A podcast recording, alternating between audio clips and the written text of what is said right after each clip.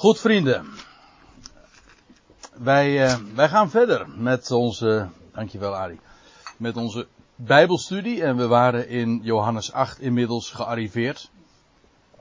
De vorige keer, toen hebben we stilgestaan, ook nog bij het slot van hoofdstuk 7, maar met name hebben we toch nagedacht over die bekende geschiedenis van die overspelige vrouw die bij Jezus gebracht werd en waarbij hij op de proef gesteld werd natuurlijk. Want ja, wat zou hij doen? En ongeacht wat hij zou doen, het was in die zin ook een beetje in de orde van een strikvraag. Wat hij namelijk ook zou doen. Uh, vrijspraak of veroordeling, in beide gevallen konden ze hem aanklagen en konden ze hem bekritiseren. En ja, het is, een, geweldige geschiedenis. Het past ook totaal in het geheel, hoewel het een wat omstreden passage is. In tekstkritisch gezien, dat wil zeggen, men heeft zich sterk afgevraagd, uh, staat het eigenlijk wel in het origineel? Maar we hebben toch uh, de vorige keer, ik heb het wat argumenten daar ook voor gegeven, mm, dat het wel degelijk daar ook uh, thuis hoort. En misschien eventjes ter opfrissing van het geheugen deze geschiedenis is ook een prachtige illustratie van wat we lezen in hoofdstuk 1, vers 17, waar staat: De wet is door Mozes gegeven, maar de genade en de waarheid is door Jezus Christus geworden. En die, die tegenstelling en dat contrast, natuurlijk, de wet van Mozes spreekt ook van genade. Maar de waarheid in Jezus Christus is genade. En eigenlijk deze geschiedenis van die overspelige vrouw is daar een, een prachtig plaatje van. Hoe aan de ene kant de wet gegeven werd, het oude verbond, dat is waar Mozes toch voor staat. En tegelijkertijd, of nee, eh, daarna is in Jezus Christus, als de vervulling ook van de wet, de genade gekomen. En die genade is, is de waarheid. Namelijk door Jezus Christus. En dat illustreert deze geschiedenis. Uh, waarbij die overspelige vrouw ook een type is van het volk Israël. En dat is uh, iets wat we natuurlijk heel vaak bij de profeten met name ook vinden. Die, waarbij de gedachte is dat God een verbond ha had met zijn volk. En een huwelijksverbond. En de vrouw die ging vreemd. Namelijk met andere goden. Vandaar dat afgoderij in bijbelse termen voor een Israëliet eigenlijk hetzelfde was als hoererij. Want men was getrouwd met God. Als volk, een nationaal verbond was daar met God. Wel, als Israël dus andere goden naliep, was het feitelijk in geestelijke zin dus hoererij. En die overspelige vrouw uh, is daarmee dus een type van het volk van Israël. En we hebben allerlei dingen, allerlei details ook gezien in deze geschiedenis, die ook weer, ja, die, die typologie laten zien. Het twee keer schrijven van Jezus op de grond, dat altijd de aandacht heeft getrokken. Dat Jezus, als die vrouw dan in het midden is eh, neergezet, terwijl Jezus daar dan op het tempelplein aan het onderwijs is, die vrouw wordt daar bijgesleurd, op heterdaad, op heterdaad betrapt. En, en dan lees je dat, uh, nou ja, wat, wat, wat, wat zou Jezus nou doen? En dan, dan lees je eerst dat hij bukte en hij schreef daar in de grond. Op het tempelplein, er lag ja, wat grond, wat zand. En hij schreef daar. Er wordt niet bij verteld wat hij schreef, alleen hij schreef op de grond van de tempel. Eh, met zijn vinger staat er nog. En dat herinnert ook weer direct aan uh, hoe het oude verbond ooit gegeven was. En dat God op de eerste zet stenen tafelen uh, zijn, met zijn vinger uh, geschreven had. Uh, nou ja, de tien woorden. En ja, dat spreekt van veroordeling. Dat is trouwens ook precies wat er gebeurde met dat eerste set van die stenen tafelen. Die werden meteen, eigenlijk, Mozes kwam de berg af en nog voordat hij het volk bereikt had, waren de stenen tafel al met recht stuk gebroken een type van het oude verbond. Dan daarna lees je dat God een nieuwe zet stenen tafelen geeft. En die wordt, en dat, dat deuteronomium, deuteronomium betekent letterlijk de tweede wet. Dat tweede stel stenen tafelen worden wordt bewaard in de ark van het verbond. En daar is het veilig, onder het verzoendeksel. En daarbij die, die gouden kruik met manna en bij de staf van Aaron die gebloeid heeft. Maar in ieder geval, dat is een type van het nieuwe verbond. En, en, en bij die tweede keer dat de Heer Jezus schrijft op de grond. Ja, dan lees je dat uh, al die mensen die, hem, die die vrouw veroordeelden afdropen. Want uh, Jezus had gezegd van, nou wie zonder zonde is, die werpen de eerste steen. Ook daar zijn we nog uh, wat, wat dieper op ingegaan. Maar, en dan vervolgens, dan lees je dat Jezus zegt, ook ik veroordeel jou niet. Ga heen, zondig niet, zondig niet meer. Niet, ga heen, zondig niet meer en ik veroordeel jou niet. Zo op, alsof die, het niet veroordeeld worden, die vrijspraak afhankelijk is van haar niet meer zondigen. Nee, ze wordt vrijgesproken en op basis daarvan vrijgegeven. En, en ja, dan zou ook, om eventjes in de termen te blijven, de wet in haar hart geschreven worden. Dus bij die tweede keer is er vrijspraak. En de vrouw, of de heer die twee keer op de grond schrijft, het is een type van het oude en het nieuwe verbond. Veroordeling versus rechtvaardiging. Nou, ik, ik vat het nu even heel kort samen. En als je het niet helemaal uh, uh, oppakt nu, dan zou je het nog eens eventjes na moeten beluisteren. En, nou ja, dat was die geschiedenis. We hebben hem uh, in zijn geheel bezien. En dat waren de eerste elf versen van hoofdstuk 8. En dan, dan stel ik voor dat we de draad oppakken bij vers 12. En dan staat er wederom dan, sprak Jezus tot hen, zeggende tot hen, dat is, als je even terugleest, dat, en dat wederom, in hoofdstuk 8 vers 2 lees je, in de ochtendschemering echter kwam hij weer in de kwam hij weer aan in de tempel en al het volk kwam naar hem toe. En dan wordt dat dan geïnterrumpeerd feitelijk met die vrouw die dan in het midden daar neergegooid wordt, om zo te zeggen. Maar in ieder geval, dat wederom, dan sprak Jezus tot hen, dat, dat, dat heeft ermee te maken dat hij eerder in de ochtend al in de tempel het volk onderwees. En dan staat er dat hij zegt, ik ben het licht van de wereld vermoedelijk, ik kan daar eigenlijk niks uh, verder over zeggen, want dan is het geen bijbelstudie meer, maar uh, ik heb in commentaren gelezen van dat, dat je dit ook moet zien in het verband uh, van het feit dat er het Loofhuttenfeest gevierd werd en licht daarbij in allerlei rituelen ook een rol speelde. Dus het kan heel goed zijn dat dit vond plaats rond of tijdens het Loofhuttenfeest, dat hebben we al eerder gezien. Wel, en dat Jezus bij allerlei ceremoniën of rituelen die dan daar op het tempelplein plaatsvinden met licht, dat hij dan in dat verband tegen die achtergrond zegt, ik ben het licht van de wereld.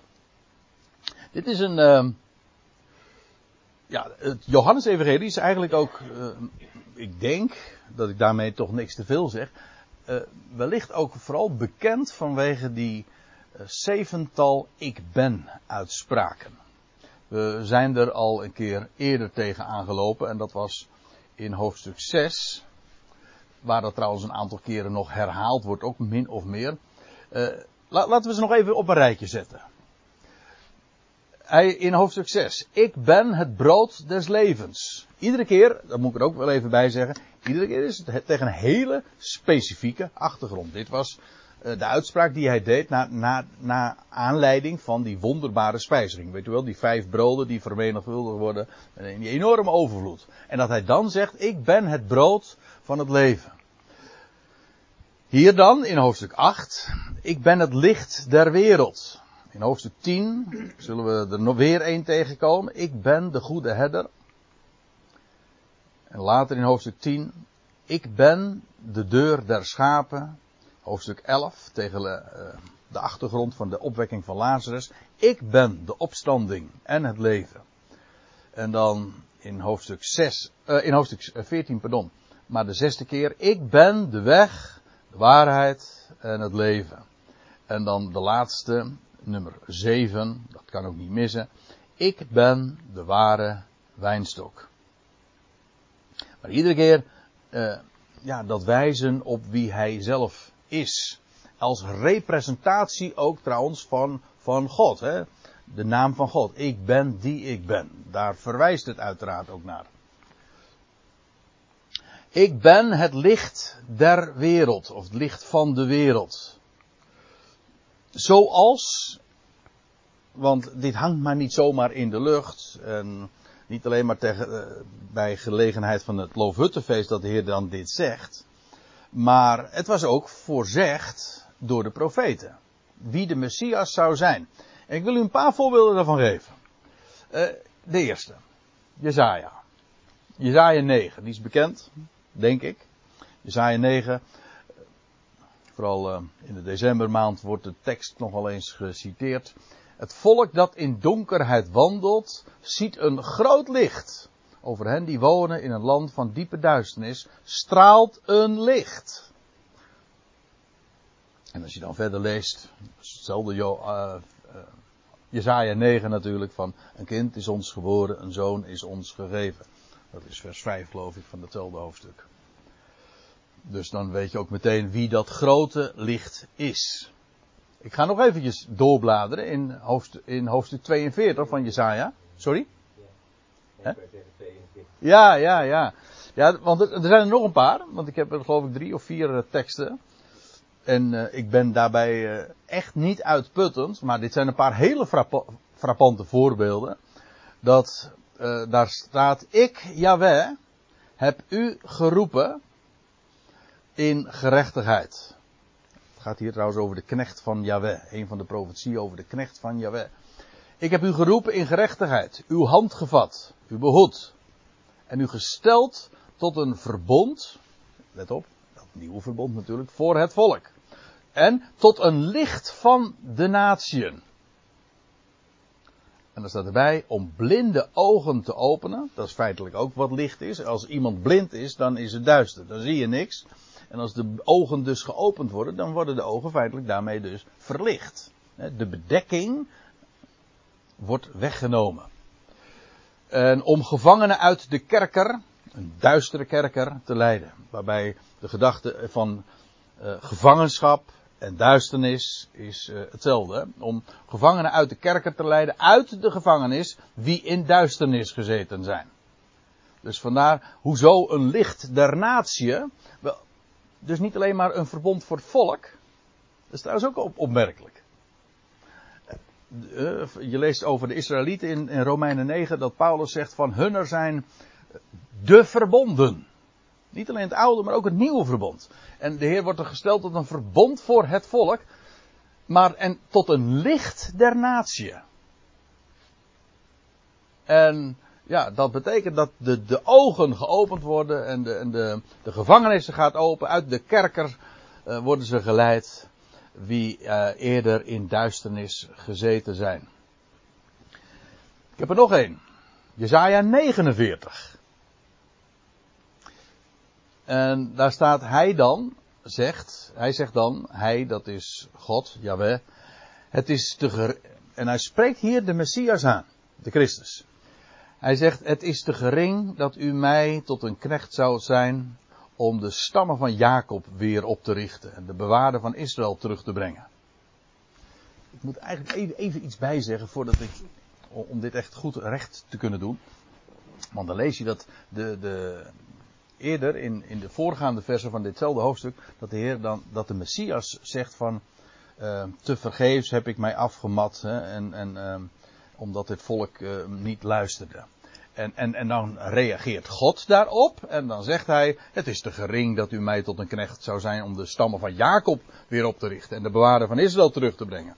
En dan, ik stel u tot een licht der volkeren, opdat mijn heil, mijn redding rijken tot het einde der aarde. Dus niet alleen maar, het, feitelijk zit hier ook al de verborgenheid besloten. Ik bedoel, het wordt niet expliciet gezegd, maar feitelijk zie je hier de gedachte. Israël gelooft niet. En dan zegt God, ja, maar het is mij ook te gering dat u mij tot een knecht zou zijn om alleen die stammen van Jacob weer op te richten. Wat doe ik? Ik ga je stellen tot een licht der natie. opdat mijn redding rijke tot het einde der aarde. Dus ook hier weer, als de Heer Jezus dus zegt, ik ben het licht der wereld, dan, dan moet je dat ook in, in dat kader zien van wat de profeten al hadden gezegd. Israël gelooft niet. Oké, dat, dat, is ook zo. Maar het is ook voor, uh, God zegt, het is mij te gering dat je alleen maar voor dat volk zou zijn. Ik stel je tot een licht voor alle naties. En mijn heil, of dat wil zeggen mijn, re mijn redding, reikt tot de, tot de einde der aarde. Kijk, zo groots denkt God. Ik heb er trouwens nog één. Ja, dat is niet Jezaja, maar dat is Hosea 6. Ja, dat, uh, die vind ik erg mooi. Ik ben, ik ben er van de week nogal mee bezig geweest.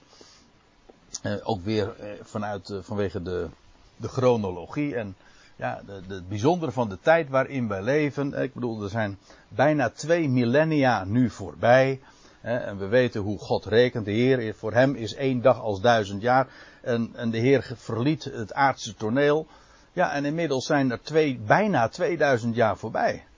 Dat wil zeggen, voor de Heer zijn er twee dagen voorbij. Nou, let in dat verband dan even op wat erin staat in Hosea 6. Hij, God, zal ons, het volk Israël, na twee dagen doen herleven. Israël, twee dagen dood. Ten derde dagen, dus na die twee dagen, op de derde dag, zal hij ons oprichten. De derde dag is altijd de dag van nieuw leven. De Messias zelf is daar een voorbeeld van, uiteraard. En we hebben al veel eerder, dat was Johannes 3, nee Johannes 2, ons bezig gehouden met die bruiloft van Cana. Op de derde dag was daar een bruiloft te Cana. En wat deed de Heer? Water in wijn veranderen. Leven geven, vreugde. En maar, waar waarom haal ik het aan? Nou, omdat er dan vervolgens staat, hij zal ons ten derde dagen oprichten en wij zullen leven voor zijn aangezicht. En ja, wij willen Yahweh kennen. Dat zal Israël dan zeggen. Ja, wij willen Yahweh kennen. Er naar jagen hem te kennen. Zo zeker als de dageraad is, eh, pardon, zo zeker als de dageraad is zijn opgang. Dat wil zeggen, de dageraad, hè, zonsopgang. Als het licht wordt.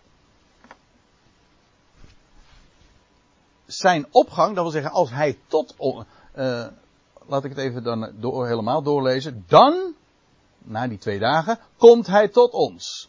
Als de regen, als de late regen die het land besproeit.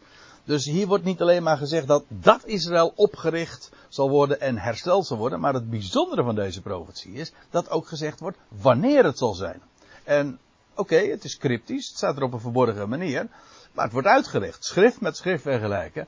En het geweldige daarvan is dat, ja, als, dat als hij straks ook zal komen voor zijn volk, dan zal hij komen als een licht. Hè. In, in Malachi staat dan dat, dat, dat de, uh, hij als de zon der gerechtigheid zal opkomen. De duisternis van de wereld zal verdwijnen. En het zal licht worden. De dageraad. Zo is zijn opgang. Dus het is licht. Hij komt op als de zon. De duisternis verdwijnt. En dat betekent leven. En dat brengt me trouwens ook bij, uh, bij het vervolg. Um, als de Heer dus zegt, ik ben nou weer terug in Johannes 8.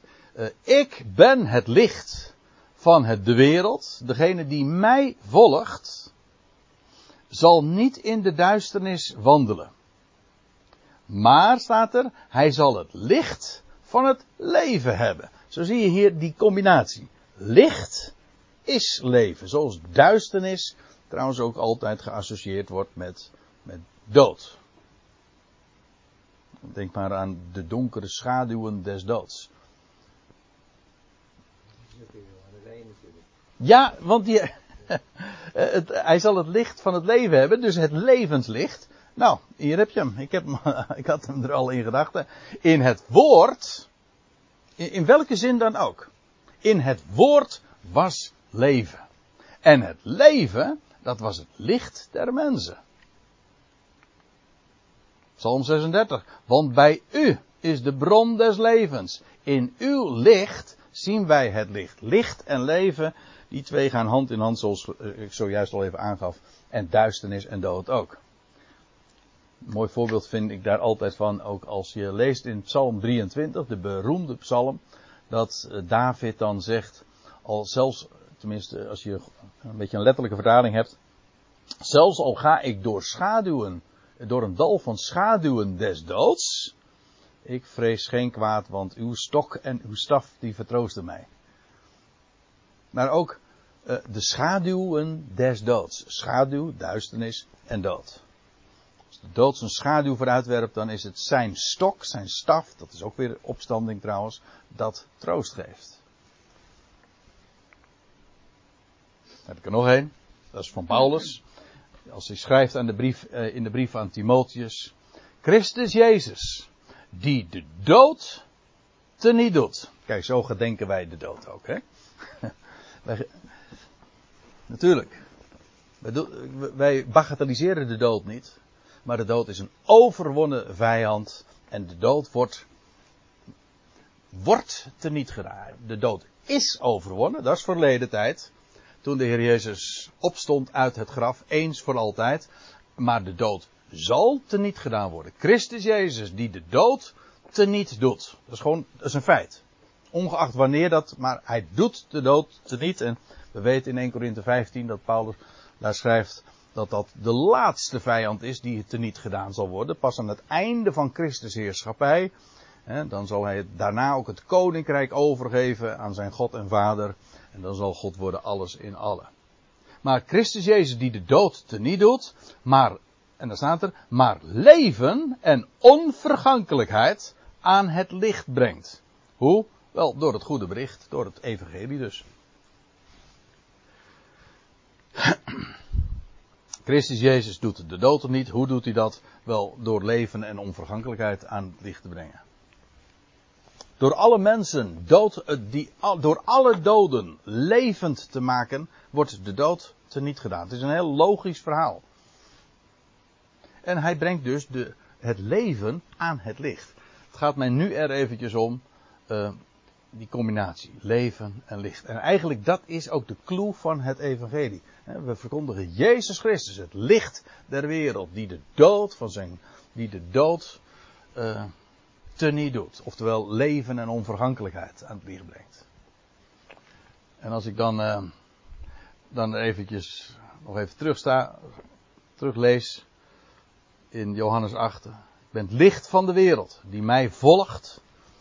De weg die de Heer zou gaan, hij zou een half jaar later, nadat hij dit zei, zou hij sterven. Drie dagen, ten derde dagen opstaan. En, maar in die weg zou hij eh, het leven aan het licht brengen. Zodat, ja, dat licht wat we hebben, dat heeft alles te maken met dat uitzicht, met, met werkelijk leven, echt levenslicht dat we kennen. En ik wandel in het licht. Hè? En ja, waarom? Omdat we de levende Heer kennen. Goed, nou, we lezen even verder, want het is uh, boeiend genoeg om daar uh, misschien nog veel uitgebreider bij stil te staan. Maar goed, we zijn bezig met een uh, bijbelstudie van het Johannes-evangelie en dat gaan we, proberen we toch enigszins de vaart in te houden. de fariseeën dan zeiden tot hem, die hoorden dat, u meteen weer uit een totaal ander vaatje tappen. U getuigt aangaande uzelf. De getuigenverklaring van u is niet waar. Waarom niet? Wel omdat u getuigt aangaande uzelf. Ja, want de Heer had gezegd: Ik ben het licht van de wereld. En voor hen is dat reden genoeg uh, die aanmatiging, die aanmatiging ook van uh, dat kan dus niet juist zijn. Je moet een getuigenverklaring, dat, daar hebben we uh, meer voor nodig. En, en over jezelf getuigen, je bent zelf partij eigenlijk erin. Goed, dat is de reactie van die fariseeën. Jezus geeft daar antwoord op en hij zei tot hen, ook indien ik getuig aangaande mijzelf,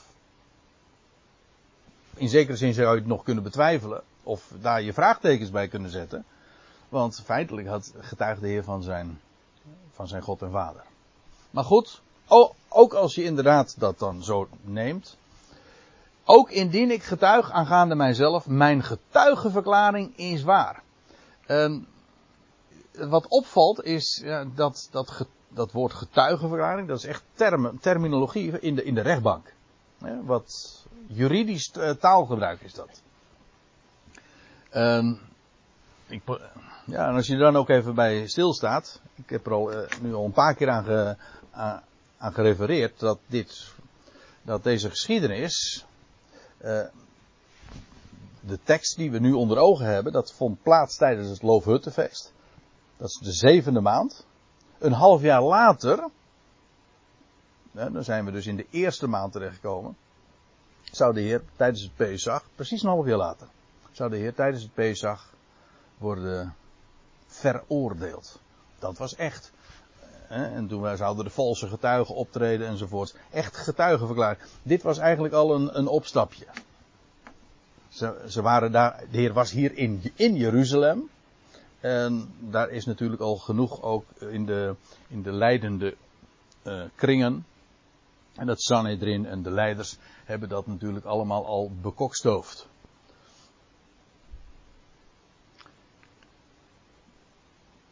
Maar ze konden nog niet optreden. Ik zal dat straks ook laten zien trouwens. En dan in vers 14, ik lees verder, want waar hij zegt, want ik heb waargenomen. Um, Even trouwens voor de goede orde. Uh, maar dat heb ik. Ik heb natuurlijk al wel eens uh, erop gewezen. De tekst die ik hier heb, die is uh, erg gebaseerd op die letterlijke weergave. Dus dat wijkt soms wat af van uw MBG of Statenvertaling.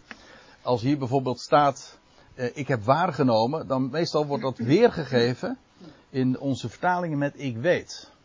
Maar als je dan een woordenboek kijkt, dan zeg je ja, het is weten op basis van waarneming. Het is een specifiek Grieks woord voor, namelijk dat wat je weet op grond van, uh, van, van je zintuigen. Je hebt het zelf gezien of gehoord of gevoeld. En ik, ik neem, ik, daarom uh, wordt het in interlineair ook weergegeven, want ik heb waargenomen. Uh, want ik heb waargenomen van waar ik kwam en waar ik heen ga. Hoe had de Heer dat waargenomen? Nou, vanuit Gods eigen woord. Ik zal, uh, ik zal um, ook uit de Johannes Evangelie twee teksten noemen. Waargenomen hebbend dat hij, het gaat over de Heer Jezus, van God uitgegaan was en tot God heen ging.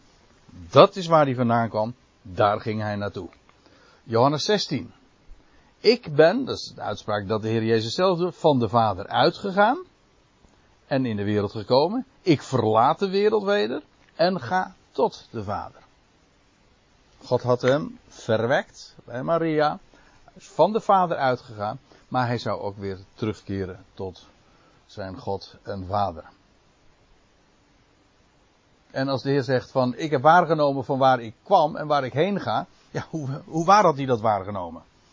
Ik bedoel, uh, hij, waar hij heen zou gaan, dat had hij, uh, waar had hij dat waargenomen? Had hij nog niet meegemaakt, dat was nog toekomst. Jawel, maar hij wist het. Hij wist het op grond van wat hij had gelezen en gehoord in de schriften. En, zegt, en hij zegt, ik heb waargenomen van waar ik kwam en waar ik heen ga. Jullie echter hebben niet waargenomen van waar ik kom of waar ik heen ga. Nou, om, om één voorbeeld daarvan te geven. We hebben in, eerder in Johannes 7 gezien dat daar dan zo'n discussie ons, uh, onder de scharen ontstaat. En dan staat er uh, over, over misverstanden, op zijn zachtst gezegd. Dus, uh, eigenlijk is het, het zijn vaker aantijgingen. Maar dan lees je van weer anderen zeiden, dan gaat het over de discussie die er dan is over de identiteit van Jezus. Weer anderen zeiden, de Christus komt toch niet vanuit Galilea. Dat is wat zij dachten. Jezus komt uit Nazareth en de Christus, de Messias, als hij komt, dan komt hij toch niet uit Galilea. Zegt de schrift niet dat vanuit het zaad van David en vanaf het dorp Bethlehem, waar David was, de Christus komt? Dat was waar. Maar men oordeelde gewoon op basis van ja, onvolledige informatie. Een vooroordeel dus. En ze hadden niet echt waar. Jullie echter hebben niet waargenomen van waar ik kom. Dat weten jullie niet. ook, en trouwens ook, dus ze wisten helemaal niet wie hij was en ook niet waar hij zou heen gaan. Dat ontging hen uh, compleet. Ziet u trouwens uh, ook nog even iets anders. Uh, als je dit, het viel mij vooral op, de eerste keer dat ik, voordat ik deze bijbelstudie ging doen, dan lees je zo'n zo'n hoofdstuk of een paar hoofdstukjes achter elkaar om gewoon een totaal idee nog eens te hebben. En dat is van dit hele typische, het, ik bedoel ook typerende Johannes taalgebruik. Je hoeft maar, als je eenmaal dat kent, en ook je kent enigszins de andere evangeliën, dan weet je meteen van, je hoort dat in één zin, dit is Johannes. Je herkent het meteen. Ik zal dat niet zeggen van Matthäus, Marcus of Lucas, dat is soms veel lastiger. Omdat dat echt uh, ja, heel sterk uh, beschrijvend is. En dit is veel beschouwender. Maar de, het type taalgebruik, ook dat hele contrastrijk. Hè? Hier, ik heb waargenomen van waar ik kwam en waar ik heen ga. Jullie echter hebben niet waargenomen van waar ik kom en waar ik heen ga. Dat is wat breedsprakig, maar ook dat heel sterk zwart-wit. Leven, dood. Waarheid, leugen. Dat soort woordparen en altijd die tegenstelling. Die hele, heel contrastrijk. In feite ook heel simpel. Men zegt ook dat Johannes Evangelie heel simpel. Vandaar ook dat men zegt van ja, je, als je als je het evangelie gaat uitdelen aan iemand, dan moet je het Johannes evangelie geven. Daar ben ik het persoonlijk niet mee eens, maar... Want zo Kijk, dit op zich is simpel, maar het is het meest diepzinnige evangelie wat er bestaat. Zonder meer. Je kunt er seizoenen zomaar mee bezig zijn om te bestuderen. En dan nog heb je heel vaak de indruk van, nou, volgens mij zit er nog zoveel meer in. Dan laat je nog zoveel liggen.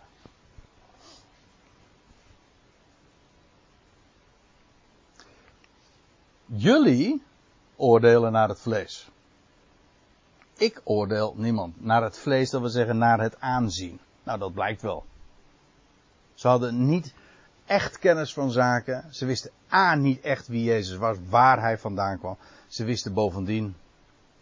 Uh, ze kenden de schriften niet. En ja, dan, dan mis je echt de boot. De Heer zegt: Ik oordeel niemand. Eigen, die geschiedenis trouwens die we de vorige keer hebben besproken, is daar een illustratie van. Dus, die vrouw wordt daar in het midden neergegooid en, en Jezus moest daar een uitspraak over en hij zei, ook ik oordeel je niet. Ik en ik veroordeel je ook niet. En, maar je zou nu kunnen zeggen van wacht even, maar de Heer gaat toch oordelen? Maar let op, dit staat dat zie je ook in die interlineair, met zo'n verticaal streepje er voorafgaand. Staat er, ik, oor, uh, ik oordeel, dat, is, dat, dat verticale streepje betekent dan dat het tegenwoordige tijd is. Dus eigenlijk als je het heel, maar dat, is, dat klinkt in het Nederlands niet erg zo erg, maar eigenlijk is het dus, ik ben niemand veroordelende. Ik ben niemand aan het, of ik ben niemand aan het oordelen. Zo, is, zo zeggen wij dat in de tegenwoordige tijd. Dus dat is eigenlijk wat de Heer zegt. Ik ben niemand aan het oordelen. Tegenwoordige tijd. En, want in de toekomst gaat hij dat wel doen. Ik laat, ik, laat ik eerst even doorlezen. In vers 16. En in, het en in het geval echter dat ik zou oordelen, is mijn beoordeling waar. Hij zegt, ik ben niemand aan het oordelen. Dat doet Heer niet. Maar in het geval echter dat ik zou oordelen, en dat gaat hij ook doen in de toekomst. Maar dat hadden we ook al eerder in het Johannes Evangelie gezien, in hoofdstuk 5, vers 22. Waar, waar staat, want ook de Vader oordeelt niemand, maar heeft het gehele oordeel aan de Zoon gegeven. Dat gaat hij in de toekomst doen. Dat doet hij niet nu, maar in de toekomst doet hij dat dat wil zeggen, dan gaat hij oordelen, maar dan ook in de zin van recht, richten. Hè? Een rechtvaardig oordeel. En oordelen betekent de dingen recht zetten. Recht spreken en ook weer recht zetten. Alles wat krom is, wordt recht gedaan en recht gemaakt. Daar is de Heer nu niet mee bezig. In het geval echter dat ik zou oordelen, is mijn beoordeling waar. Want, zegt de Heer, ik ben, ik ben niet alleen, maar ik en de Vader die maar ik en de Vader die mij zendt. Namelijk, de Vader heeft aan hem het oordeel gegeven. Als hij gaat oordelen, eh, wel, dan is zijn beoordeling waar. Het is namelijk de Vader zelf, God zijn Vader, die hem daartoe zendt en hem daarin bijstaat en hem dit ook gegeven heeft en toevertrouwd.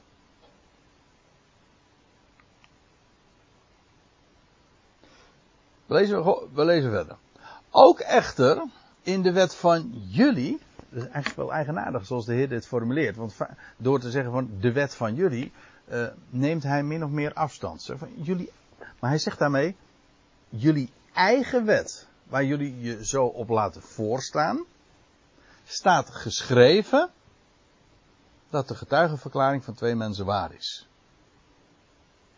Dat u, hè? Dat is een bekend eh, gegeven in uh, een heel uh, essentieel uh, juridisch basis. een zaak zal vaststaan bij twee of drie getuigen. Dat wil zeggen, minimaal twee getuigen zijn er nodig, wil een zaak vaststaan. Eén getuige, één getuige is geen getuige. Of in ieder geval is in de rechtspraak niet voldoende. Er moeten minimaal twee getuigen zijn. En dat, dat wordt al heel in de wet, in Deuteronomium 17, Deuteronomium 19, wordt het expliciet zo ook geformuleerd. De Heer haalt dat aan. Hij zegt ook echter in de wet van jullie staat geschreven dat de getuigenverklaring van twee mensen waar is. Ik ben degene die aangaande mijzelf getuig. Jawel. En de Vader die mij zendt getuigt aangaande mij. In de wet is het zo dat er twee mensen die getuigen een zaak al vaststaan. Maar nu zegt de Heer, ik getuig zelf. Maar ook de Vader die mij zendt, getuigt aangaande mij. En, uh, hoe staat het er ook alweer in? Ja, ik, ik, verwijs hier naar 1 Johannes 5 vers 9. Uh, nou ben ik even kwijt hoe het er ook weer precies stond. Indien wij het getuigenis van mensen aannemen. Ja, ja, zo is het. Indien wij het getuigenis der mensen aannemen, het getuigenis van God is meerder. Want dit is het getuigenis van God dat hij van zijn zoon getuigd heeft. Wie in de zoon nou, God, God gelooft, heeft het leven. Nou ja, enzovoorts. Maar het gaat eventjes om het getuigenis van God. Heeft hij. Ik, laat, ik lees eventjes verder. Of uh, we kijken weer even terug. Want als je, uh, als je dit zo leest, dan kom je er ook achter dat er allerlei thema's zijn in het Johannes-evangelie die iedere keer weer terugkomen. Op, op verschillende manieren. Maar feitelijk is deze discussie eigenlijk een herhaling van zetten. Want we zijn al zoiets eerder tegengekomen. Toen was Jezus ook in Jeruzalem. En dat hij iets soortgelijks zei. In vers 36 van Johannes 5, dan lees je. Hij zegt, ik heb een getuigenis. Gewichtiger dan dat van Johannes, Johannes de Doper. Want, zegt de Heer, de werken die mij de Vader gegeven heeft om te volbrengen, juist die werken die ik doe, die getuigen van mij. Die getuigen van mij, namelijk dat de Vader mij gezonden heeft. Waar doet hij op? Nou, op de werken, op de tekenen die hij deed. Dat doet geen mens. God zelf heeft daar, zette daar zijn stempel op, op de zoon. De wondertekenen die hij verrichtte. In Johannes 5 uh, eh, is het uh, naar aanleiding van die geschiedenis van die man die daar in Bethesda 38 jaar lang ziek was en verlamd was. En die dan, ja, op de Sabbat, weet u nog, uh, opstaat. Nieuw leven krijgt en wandelt. En, nou ja, dat is een geweldig teken. De, de locatie, wat er gebeurde, het tijdstip, alles, daar gingen sprake van uit. En dat die werken die hij deed, ja, die getuigen van hem, maar die getuigen dat de Vader mij gezonden heeft. Want dat is namelijk geen mensenwerk. En er staat er nog bij, en de Vader, die mij gezonden heeft, die heeft van mij getuigenis gegeven. Ja, niet alleen maar door die, doordat zijn zoon die werken deed, maar ook door wat hij gesproken heeft. Jullie hebben nooit zijn stem gehoord. En ik, uh, de Heer doelt daarmee uiteraard ook op, ja, het getuigenis dat ooit bij het begin van Jezus' bediening al plaatsvond, dat de, de Vader getuigd heeft, hè, vanuit de hemel, dus de hemels ging open toen de Heer gedoopt werd in de Jordaan. En hij stond toen op uit het watergraf. En dan, dan lees je, dit, deze is mijn zoon, mijn geliefde. In wie ik mijn welbehagen had. Daar waren zij niet bij. En ze, jullie hebben dat nooit gehoord. Maar de, de vader heeft getuigenis van mij gegeven. Maar jullie hebben nooit zijn stem gehoord. Trouwens, dat is niet alleen bij die gelegenheid geweest. Het is ook toen op de berg van de verheerlijking geweest. Volgens mij uh, heb ik daar straks nog een diaatje van.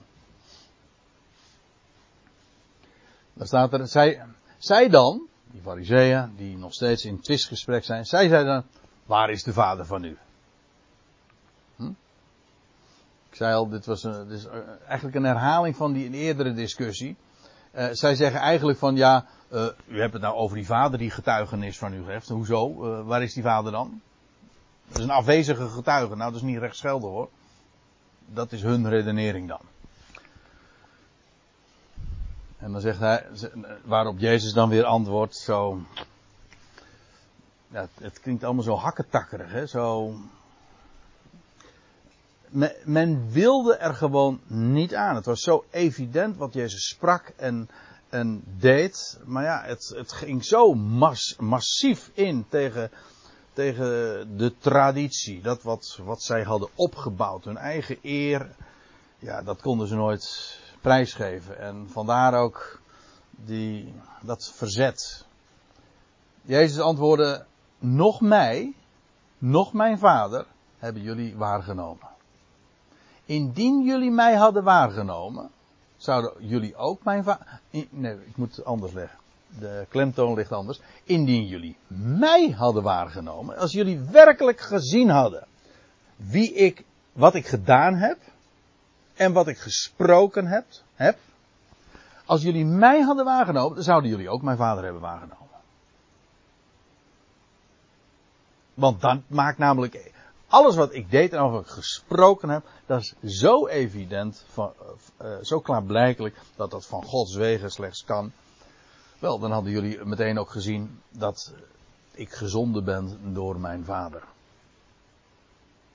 Zijn werken, zijn tekenen die hij deed. De doop in de Jordaan, de verheerlijking op de berg. Ja, die hadden zij allemaal niet waar, dat hadden zij niet waargenomen. Trouwens, de Heer heeft in Jeruzalem, opmerkelijk genoeg, helemaal niet zo gek veel wondertekenen gedaan. Wel een aantal, in Johannes, juist in Johannes lezen we daarover. Maar uh, hij is vooral daar in, uh, in het noorden, uh, daarin actief geweest. Maar in ieder geval, wat de Heer zegt is, jullie, indien jullie mij hadden waargenomen, wel, al, als jullie dat hadden gedaan, dan hadden jullie ook mijn vader waargenomen. En dan staat er nog bij, deze uitspraken sprak Jezus in de schatkamer, onderwijzende in de tempel. Je had namelijk bij de, die tempel, ik had er eigenlijk even een plaatje van moeten maken. Maar je had een speciale plaats, een, een, letterlijk een schatkistbewaarplaats. Maar goed, dat is eigenlijk wat een schatkamer ook is, toch? Uh, in de tempel had je een, speciale plek waar uh, de schatten, de rijkdommen, het geld enzovoorts werd bewaard. Uh, bij de voorhof van de, van de vrouwen wordt dat dan ergens ook het is, het is allemaal ook uit de, de buitenbijbelse overlevering bekend. Daar was een schatkamer in de tempel. En de Heer heeft deze uitspraken gedaan in de schatkamer. Terwijl hij onderwees in de tempel. En ja, natuurlijk kun je zeggen van ja, dat is alleen maar om te vermelden van nou, daar heeft de Heer dat gedaan. Maar als je het zo alleen maar bekijkt, dan, dan doe je natuurlijk geen recht aan, aan, aan, aan de schrift, maar ook aan de wijze waarop Johannes dat beschrijft. Dat, dus, er zit altijd een dubbele bodem in. Want het is een hele typerende locatie. de schatten van de tempel, waar zijn die? Nou, waar Jezus onderwijst. Je, die horen bij elkaar. Waar vind je de echte schatten van het huis van God? Wel in het onderwijs van Jezus. Vandaar deze uitspraken van Jezus in de schatkamer, onderwijzende in de tempel. Die horen namelijk bij. Dat zijn de schatten. De echte rijkdommen van de tempel, van het huis van God, die vind je daar waar Jezus zijn mond open doet en waar je de woorden Gods hoort. En dan staat er nog bij, en niemand greep hem. Om, we hebben dit ook al verschillende keren nu gezien, ik geloof dat het de derde keer is. En niemand greep hem, omdat zijn uur nog niet was gekomen. Ik zei al, het zou nog een half jaar duren. De heer zou niet met Loofhuttenfeest, de heer zou met Pesach, met Pascha. Als het lam geslacht zou worden, dan zou hij uh, worden veroordeeld en dan zou hij uh, de weg naar het kruis gaan. Dat was ook, dat was het uur. Het tijdstip, God had al anderhalf duizend jaar van tevoren het tijdstip bepaald wanneer het lam geslacht zou worden, namelijk met Pascha. En dat zou nog een half jaar duren. Zijn uur was nog niet gekomen. Hun uur misschien wel, want zij wilden hem graag doden. En ze hebben dat bekokstoofd en beraadslaagd, ongetwijfeld. Maar het kon niet. Een, de vorige keer zei ik zoiets als van, uh, en daar moet ik nu weer aan denken. Een, een onzichtbare hand weerhield hen ervan om de hand aan hen te slaan. Niemand greep hem. Ze zouden wel willen, maar zijn uur was nog niet gekomen. Hun uur misschien wel, in hun beleving, maar zijn uur was nog niet gekomen. En daarom kon het niet. Hoezo? Vrije wil hè, van de mens. De mens wilde dat wel. Maar God heeft zo zijn agenda. God, de mens wikt, God beschikt. Nou, um, hier krijg je weer een, een nieuwe uh, episode in vers 21. In mijn Bijbel begint er dan ook een nieuwe passage. Ik stel voor dat we eerst even pauzeren en dan gaan we daar straks mee verder. Zullen we dat doen?